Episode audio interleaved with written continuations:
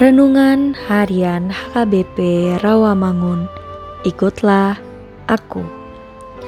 Selasa 24 November 2020 Berjaga-jaga untuk menerima sukacita yang kekal. Bacaan pagi kita pada hari ini diambil dari kejadian 6 ayat 1 sampai 8. Bacaan malam kita pada hari ini diambil dari Roma 2 ayat 1 sampai 16. Dan kebenaran firman yang menjadi ayat renungan kita hari ini diambil dari Markus 13 ayat 35. Karena itu, berjaga-jagalah, sebab kamu tidak tahu bila manakah tuan rumah itu pulang.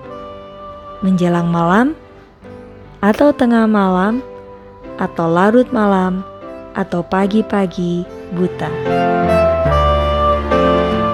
Kalimat berjaga-jaga selalu sering kita dengar, baik bila akan meninggalkan anak-anak di rumah maupun dalam menyampaikan firman dalam berjaga-jaga menanti kedatangan Tuhan.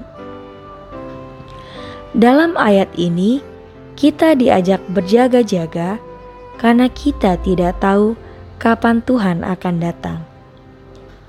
Apakah kedatangan Tuhan itu menjelang malam, atau tengah malam, atau larut malam, atau pagi-pagi buta? tidak ada seorang pun yang mengetahuinya. Malaikat di sorga pun tidak tahu. Injil Markus mengingatkan kita agar kita jangan sampai tertidur pada waktu Tuhan datang ke dunia ini.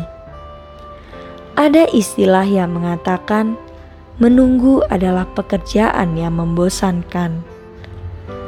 Ayat ini mengingatkan kita dalam menanti kedatangan Tuhan, hari-hari kehidupan kita berlalu harus kita isi dengan mengerjakan pekerjaan-pekerjaan kita sampai tuntas. Ini berarti bahwa kita harus sedemikian rupa sehingga tidak menjadi soal bagi kita kapan Tuhan datang.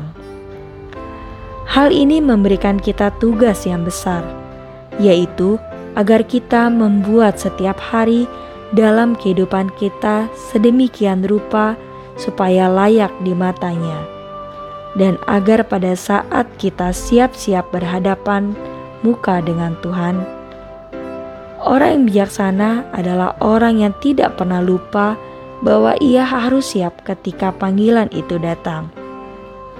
Jika ia hidup dengan selalu mengingat hal ini, baginya akhir kehidupan ini sendiri tidak akan merupakan suatu kengerian, tetapi sukacita kekal.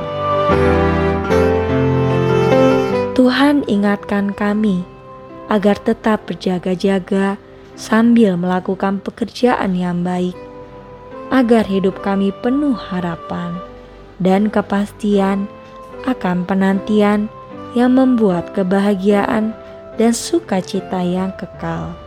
Amin.